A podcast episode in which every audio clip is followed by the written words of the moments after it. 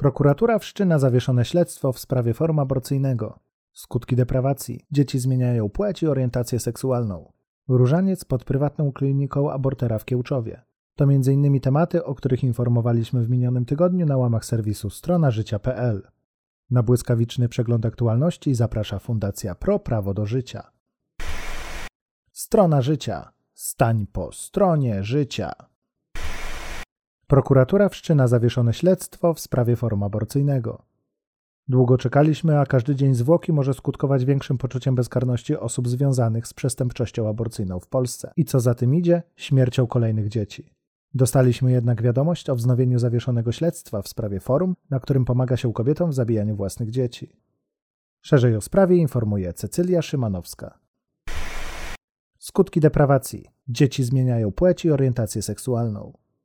Coraz więcej młodych ludzi daje się zwieść tęczowej propagandzie i zaczyna prowadzić homoseksualny tryb życia lub decyduje się na tak zwaną zmianę płci. Raport na ten temat wydał Instytut Ona i On. Porównano w nim statystyki dotyczące liczby homo, bi i transseksualistów w kilku państwach na przestrzeni ostatnich lat. Wynika z nich, że odsetek osób związanych z LGBT znacznie wzrósł, szczególnie wśród młodych ludzi. Temat przybliża Filip Nowak. Aborcja to nie olimpiada. Promotorzy aborcji boją się, że kobiety nie zdążą dokonać aborcji i dziecko przeżyje.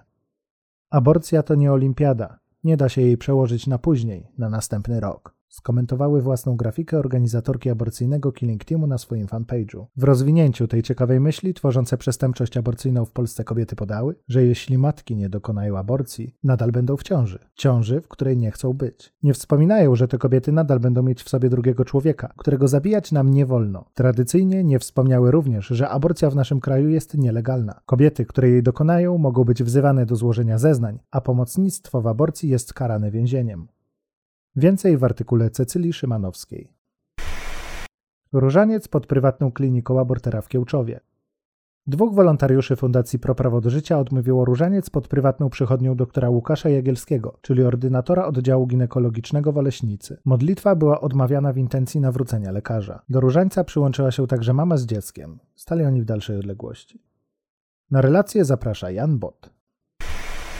Okiem prolifera. Obrona życia w czasie pandemii.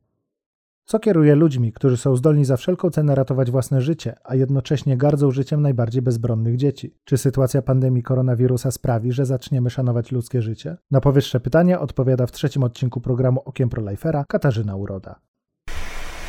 Zapraszamy do zapoznania się z kolejnym odcinkiem serii Cała Prawda o Aborcji. Tym razem Anna Szczerbata porusza temat pigułek aborcyjnych. Do odwiedzenia serwisu Strona Życia zaprasza Fundacja Pro Prawo do Życia. Strona życia. Stań po stronie życia.